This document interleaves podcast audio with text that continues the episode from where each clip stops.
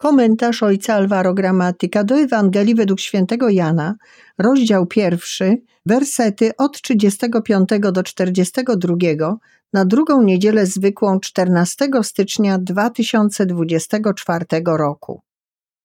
Jan stał wraz z dwoma swoimi uczniami i gdy zobaczył przechodzącego Jezusa, rzekł: Oto baranek Boży.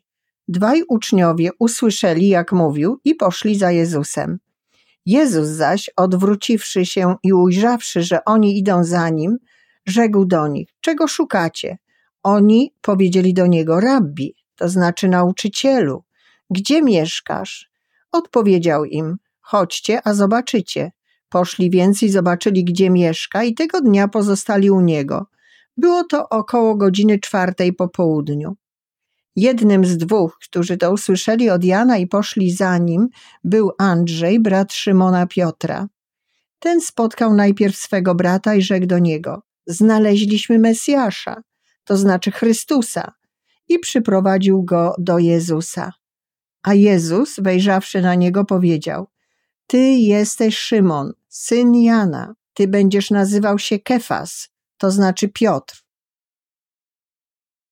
Dzisiejsza Ewangelia przedstawia nam świadectwo Jana Chrzciciela, który wskazuje swoim dwóm uczniom Jezusa jako baranka Bożego. Nie mówi nic więcej, po prostu wskazuje na Jezusa. Uderzające jest to, że ci dwaj uczniowie, słysząc jego słowa, natychmiast idą za Jezusem. To robi duże wrażenie. Jak to możliwe, że proste przesłanie wywołuje tak szybką i pozytywną reakcję?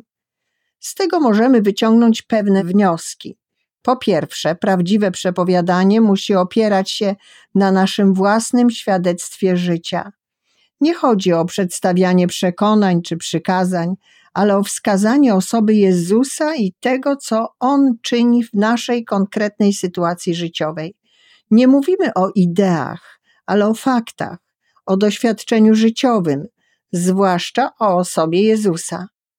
Drugi wniosek dotyczy sposobu dawania świadectwa przez Jana Chrzciciela. Z otrzymanej odpowiedzi wnioskujemy, że z pewnością mówił w taki sposób, by wzbudzić zainteresowanie i pragnienie spotkania z Jezusem. Prawdziwe świadectwo wzbudza zachwyt nie tylko dlatego, że opowiada o faktach, ale także dlatego, że potrafi zainteresować słuchających. Jest to mówienie z przekonaniem, z pasją, mówienie prosto z serca. W dalszej części tekstu czytamy, że tego dnia ci dwaj uczniowie poszli i zobaczyli, gdzie mieszkał Jezus i zatrzymali się u niego. Uczniowie nie pytali, kim jesteś, Jezu, czy możesz przedstawić nam swoją wizję, co oferujesz, czy możemy rzucić okiem na Twój program, aby zobaczyć, czy jest on dla nas odpowiedni. Pytają go tylko, gdzie mieszka. Być może było to pytanie, które chciał usłyszeć Jezus, na które odpowiedź jest tylko jedna: Przyjdźcie i zobaczcie.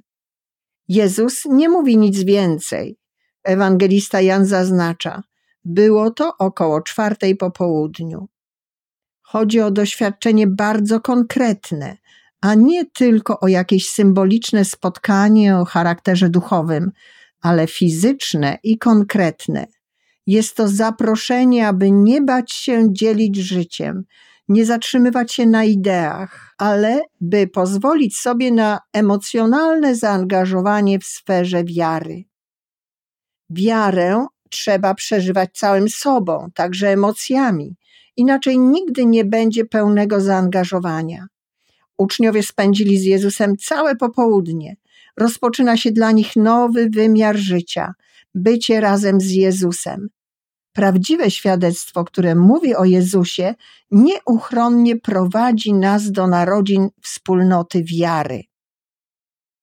Na tej podstawie łatwo zrozumieć, że jeden z dwóch uczniów, Andrzej, udaje się do swego brata Piotra i nie tyle po to, by podać mu adres, pod którym mieszka Mesjasz, ale aby podzielić się swoim doświadczeniem spotkania z Mesjaszem i przebywania z nim.